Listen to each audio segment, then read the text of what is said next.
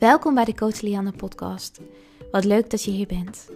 In deze podcast bespreek ik verschillende onderwerpen omtrent eetproblemen, zelfliefde, lichaamsacceptatie en zelfontwikkeling.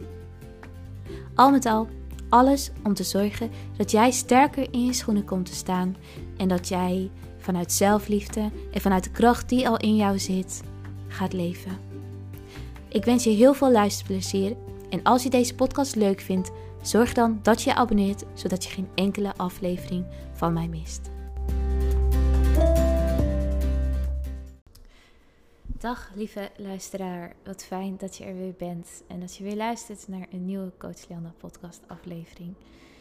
We gaan samen even, ik weet niet hoe lang deze podcast gaat zijn, we gaan samen even de tijd spenderen en ik ben zo dankbaar dat jij de tijd neemt om naar mij te luisteren en dat jij de tijd neemt voor jezelf om naar deze aflevering te luisteren.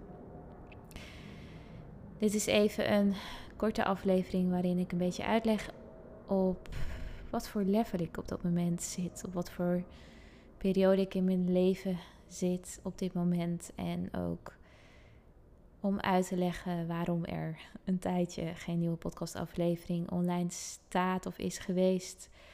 Um, en ook ja, het is niet om mezelf uit te leggen of omdat ik geloof dat ik dat zou moeten doen.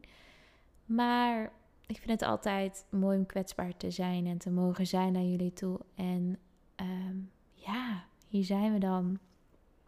Zoals je misschien wel weet, is er voor mij ontzettend veel gaande geweest. En als ik heel eerlijk ben, is er nog steeds best wel veel gaande in mij intern.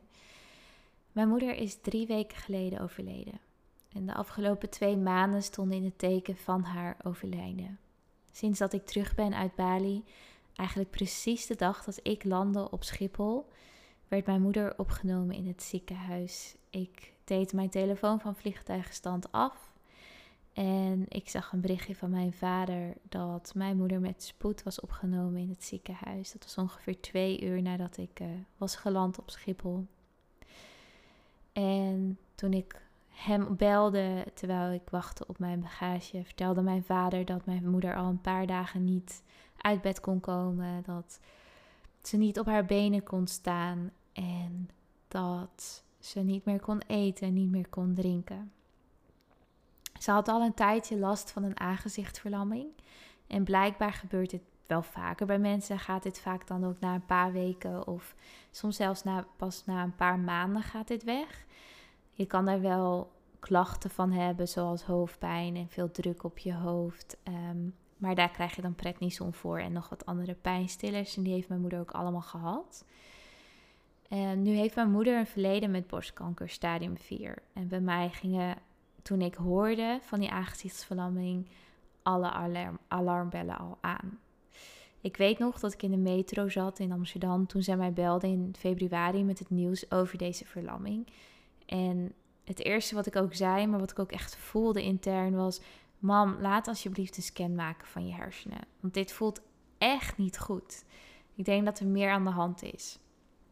Het is namelijk wetenschappelijk bewezen dat een groot percentage van de mensen die borstkanker hebben gehad, het tussen de 8 tot 12 jaar later weer terugkomt in de hersenen. En dit is iets wat ik een hele lange tijd geleden een keer ergens in een onderzoek had gelezen. Zoals jullie waarschijnlijk wel weten, ben ik van het lezen van wetenschappelijke onderzoeken. Ik vind dat ontzettend interessant. En dat, hè, dat loopt dus uit van, van dus dit soort onderzoeken naar onderzoek over ja, je brein en over je zenuwstelsel, over heling, over uh, herprogrammeringen.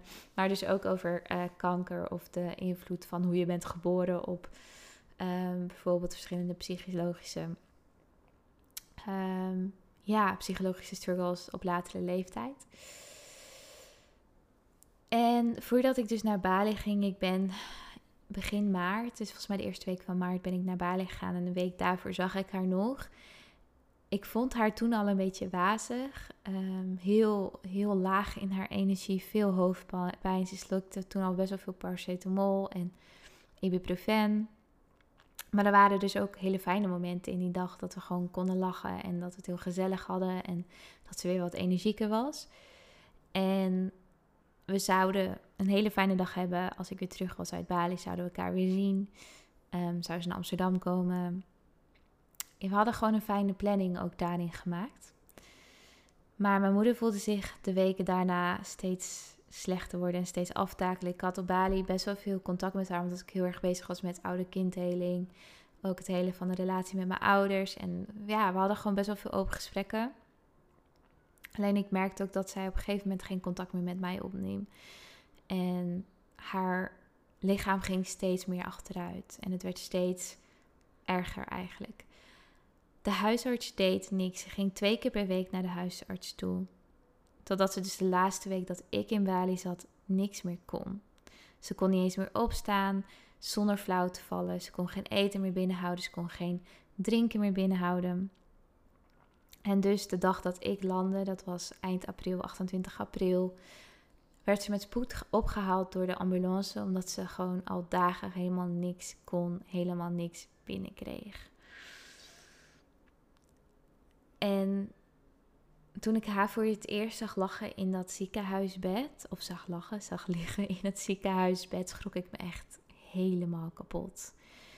Mijn moeder was er al niet meer. Ze zag mij niet eens meer en toen ze was alleen maar, ze kon alleen maar slapen. Ze was ontzettend slap en haar hele linkerkant van haar gezicht hing er hing naar beneden, dus daar was al gewoon geen spierspanning meer. Haar, haar oog paalde uit. Ehm, omdat er ontzettend veel druk van haar hersenen naar buiten duwde op dat oog. En ja, ze kon gewoon niet wakker blijven. Dus ik heb eigenlijk ook gewoon helemaal niet meer met haar echt kunnen praten. Um, er was één moment toen ik haar voor het eerst zag dat ze mij erkende en herkende. Ehm, en het is daarna eigenlijk helemaal niet meer zo geweest. Alleen toen we haar dus meenamen en denk drie weken later weer naar huis, omdat ze thuis wilde overlijden. Toen, ja, toen herkende ze me weer en vond ze het heel erg fijn dat ik er was. Um, ze heeft in, in het begin heeft onderzoek naar onderzoek gehad. En echt wel wekenlang konden ze niks vinden. Het, het voelde als wekenlang, maar eigenlijk waren het dagenlang. Maar in die periode leef je zo in een waas, als ik heel eerlijk ben. Ik, ik, ik kwam gelijk weer in mijn fight-or-flight modus. Ehm, alles duurde te lang. Als het ging om, om, om, om uitslagen.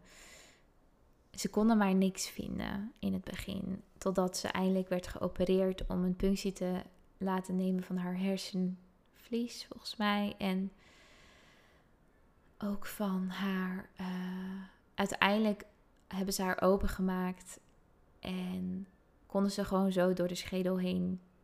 Ja, ze hoefde niet eens te zagen. Het brak gewoon. En toen zijn ze erachter gekomen dat haar hele schedel vol zat met kwaadaardige kankercellen.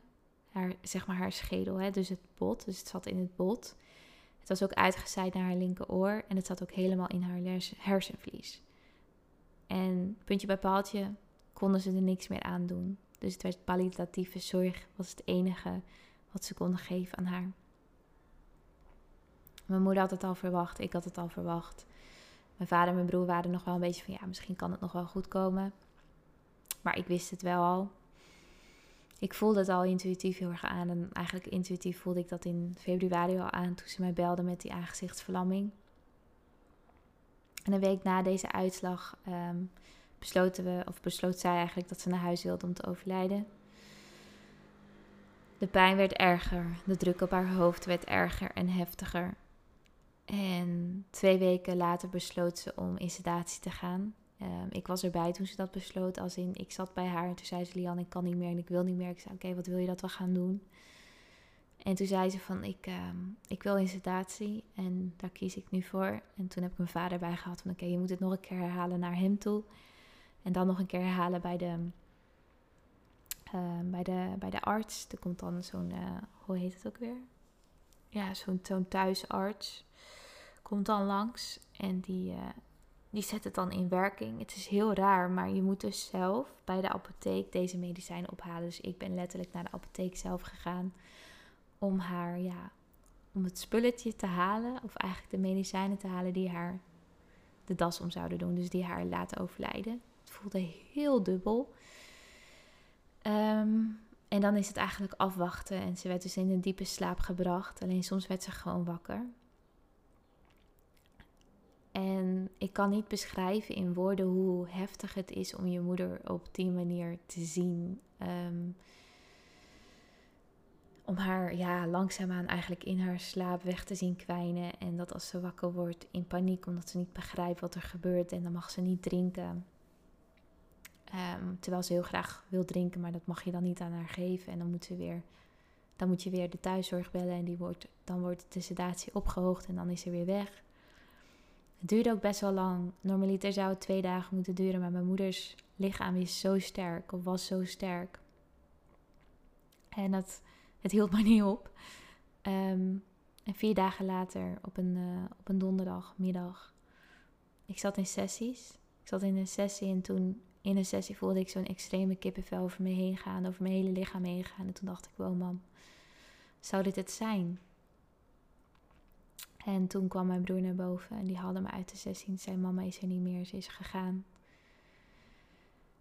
Ja, en het voelde in eerste instantie echt als een opluchting voor haar, omdat ze dan geen pijn meer had. En ik had een heel mooi gesprek die dag daarvoor met haar gehad over hoe fijn het zou zijn dat als het er niet meer is, zijn, dan kan ik weer dansen en dan kan ik weer drankjes drinken en kan ik weer eten en weer lekker eten, gewoon ook van genieten. En dan heb ik geen pijn meer en heb ik, kan ik eindelijk die verlichting voelen waar ik zo naar op zoek ben. En dat was zo'n mooi gesprek en dat gaf me zoveel rust dat ik dacht, ja, dit is goed en het is oké en ga maar. Het was niet een dag voordat ze overleed, want toen was ze in slaap, maar ik bedoel ehm, een dag voordat ze de sedatie inging. En ja, en toen begon eigenlijk niet eens het rouwen, want het was eigenlijk nog heel erg onrealistisch. Ik zat nog steeds heel erg in de waas, omdat je ontzettend veel moet regelen. En we hadden al best wel veel geregeld, maar alsnog komt er heel veel op je dak.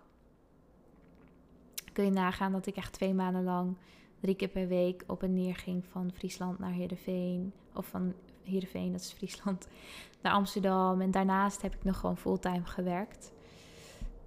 Ik zat zo erg in mijn doorgaan modus. Dat ik eigenlijk helemaal niet door had hoeveel ik eigenlijk aan het doen was. Ehm, totdat ze overleed. Totdat we de begrafenis hadden gehad twee weken geleden. Toen was ik weer terug in Amsterdam na die begrafenis. En allemaal lieve vrienden waren erbij. En ik woon even samen in een huis van vrienden wat groot is en een tuin heeft. En uh, een vriendinnetje woont even een tijdje bij mij. En ik zat op de bank en ik dacht, jezus, wat is er eigenlijk allemaal gebeurd? En naarmate de dagen verstreken um, en ik weer een beetje ging coachen, merkte ik eigenlijk hoe veel emotie er opgeslagen zat en nog steeds zit in mijn lichaam. Hoeveel pijn ik voel, hoeveel emotie als verdriet, maar ook boosheid, um, onmacht. En ook een heel groot deel van mijn innerlijke kind voelde die ja, die zich eigenlijk in de steek gelaten voelde. Ehm, en heel erg eenzaam begon te voelen. Het is heel bijzonder hoe een rouwproces pas later eigenlijk in mijn beleving bij mij op gang kwam. Toen het steeds meer ging settelen. En dat heb ik nog steeds wel met momenten dat ik even me realiseer dat ze er niet meer is. Of dat ik voor me zie hoe ze erbij lag bijvoorbeeld. Of dat ik even wakker schrik omdat ze, ja, hoe ze erbij lag, dat ik dat dan voor me zag. En het, ik realiseer het me steeds meer. Dus ik kom steeds meer een soort van een laag van pijn vrij, van verdriet vrij, van verwerking eigenlijk vrij. Nu realiseer ik me ook steeds meer de afgelopen dagen, de afgelopen weken dat ze er nog steeds is. En ik voel haar ook letterlijk om mij heen. Ik heb momenten dat ik zit, dat ik gewoon helemaal begin te shaken, omdat ik voel dat ze er is. Er komen steeds vlinders op mij zitten. En ik heb ook tegen haar gezegd dat ze als vlinder mag terugkomen. Dus ik weet ook, oh ja, ze is er nog. En dat is ook hoe ik het zie. Ik zie overlijden echt als een spiritueel mensen misschien wel, maar dit is hoe wat ik geloof. En dat haar lichaam, haar fysieke zijn is er niet meer. Dat, dat leeft niet meer. Dat is niet meer levensvatbaar. Dat is, dat is opgegeven. Maar haar spirit, haar ziel is hier nog steeds. En staat nog steeds naast mij. En toen mijn vader een week geleden heeft hij een ongeluk gehad. Dat is ook echt bizar. Echt een dag. Of nee, dat is al twee weken geleden dan, denk ik. Een dag nadat mijn moeder was begraven, ging hij fietsen. En werd hij van de fiets afgereden. Dus ik zei, nou, je wordt letterlijk even met beide benen op de grond gezet, maar mama heeft je ook beschermd. En dat is wat ik echt geloof, dat mijn moeder nog steeds naast me zit en me ook leidt door deze wereld. En dat ik haar ook meeneem in alles wat ik doe en in alles wat ik mag doen in deze wereld. Ehm, ja, ze is er nog en, en dat geeft mij heel veel steun, dat geeft me heel veel, nou niet houvast, want daar geloof ik niet echt in, maar het geeft me wel heel veel rust. Ehm, ja, haar lichaam, haar ziel heeft haar lichaam verlaten, maar haar ziel zou hier nog altijd zijn en zou altijd een onderdeel van mij zijn. En ze zou ook altijd natuurlijk doorleven in mij. En dat is geen excuus om niet de pijn te voelen, want die voel ik ook zeker. En ik heb het er veel over ook met vriendinnen. Ik heb het er veel over ook met mijn vader, met mijn broer. En ik merk dat we heel erg tot elkaar komen. We hebben veel meegemaakt, ook vroeger. Maar dit is ook een les voor ons allemaal om tot elkaar te komen, om liefde te laten regeren in onze relatie. En op een nieuwe manier met elkaar om te leren gaan, of met onszelf ook om te leren gaan. Ja, Adao is een heel groot onderdeel van mijn leven en het zal ook de komende tijd een groot onderdeel van mijn leven zijn. Het is geen hoofdstuk wat je afsluit en dat je op een nieuw nieuwe bladzijde begint en dat het er niet meer zou zijn. Het zal altijd een onderdeel zijn van, van mij, van het verlies van mijn moeder. Um, maar nogmaals, spiritueel gezien geloof ik heel erg dat ze er nog is. Dat haar ziel hier nog erg, ergens rondzweeft. En dat ze met tijden ook mij zal gaan beschermen of mij zal gaan leiden op het moment dat ik het even niet meer weet. En voor iedereen die dit luistert en zich herkent of ja, herkent in mijn verhaal, dan wil ik je even laten weten dat ik je zie en ik voel je. En ik hoop dat je heel erg lief kan zijn voor jezelf. Dat je jezelf de ruimte kunt geven om te rouwen en om pijn te voelen en het verdriet te voelen. Maar dat je ook mag ingaan zien dat degene die je bent verloren er nog altijd is en altijd naast je zal staan en altijd door zou leven in je hart. En dat, die, dat de ziel van, van die persoon onsterfelijk is. Het lichaam zal opgeven, maar de ziel zal er nog altijd zijn en zal doorleven, misschien op een andere manier in deze wereld.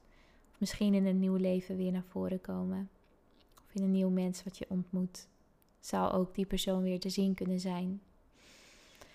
Maar ik heb een heel groot ja, grote groei meegemaakt de afgelopen jaren. En dat ik geloof ook dat het universum dit op mijn pad zet om te laten zien hoe ik ben gegroeid, hoe ik mezelf kan opvangen. Dat ik weet hoe ik met emoties om kan gaan en dat ik het er mag laten zijn en dat ik weet dus dat ik op mensen kan terugvallen in mijn leven. Ehm, dat ik dat ook kan voelen en kan ervaren en dat ik op een nieuwe manier een relatie kan aangaan met mijn vader en mijn broer. En nogmaals, dat de groei die ik heb meegemaakt is intens. En dat dit mij ook weer een heel mooi toekomstperspectief mag geven. En dat geluk en liefde en dankbaarheid en, en dat toekomstperspectief naast het rouwen staat en naast verlies bestaat en naast de eenzaamheid bestaat en naast de pijn mag bestaan die ik ook voel. Ja, het is een hele bijzondere, zware, maar ook leerzame tijd geweest. En die zal ook nog wel komen. En ik wil jullie allemaal één voor één bedanken voor alle mooie, lieve, hulp, behulpzame en, en, en prachtige berichten die ik heb ontvangen nadat ik had gedeeld over het overlijden van mijn moeder. Dank dat jullie er zijn. Dank voor jullie tijd. Dank dat je hebt geluisterd. En ik ga ook snel een nieuwe podcastafleveringen opnemen over groei, over heling, over uh, intuïtief eten, uh, zelfliefde natuurlijk. Um, maar ik wilde jullie eerst even updaten over mijn, ja, mijn hoofdstuk waar ik op dit moment in zit, over mijn huidige leven. En jullie dus nogmaals bedanken voor jullie ja, tijd en liefde en omarming van mij in deze periode.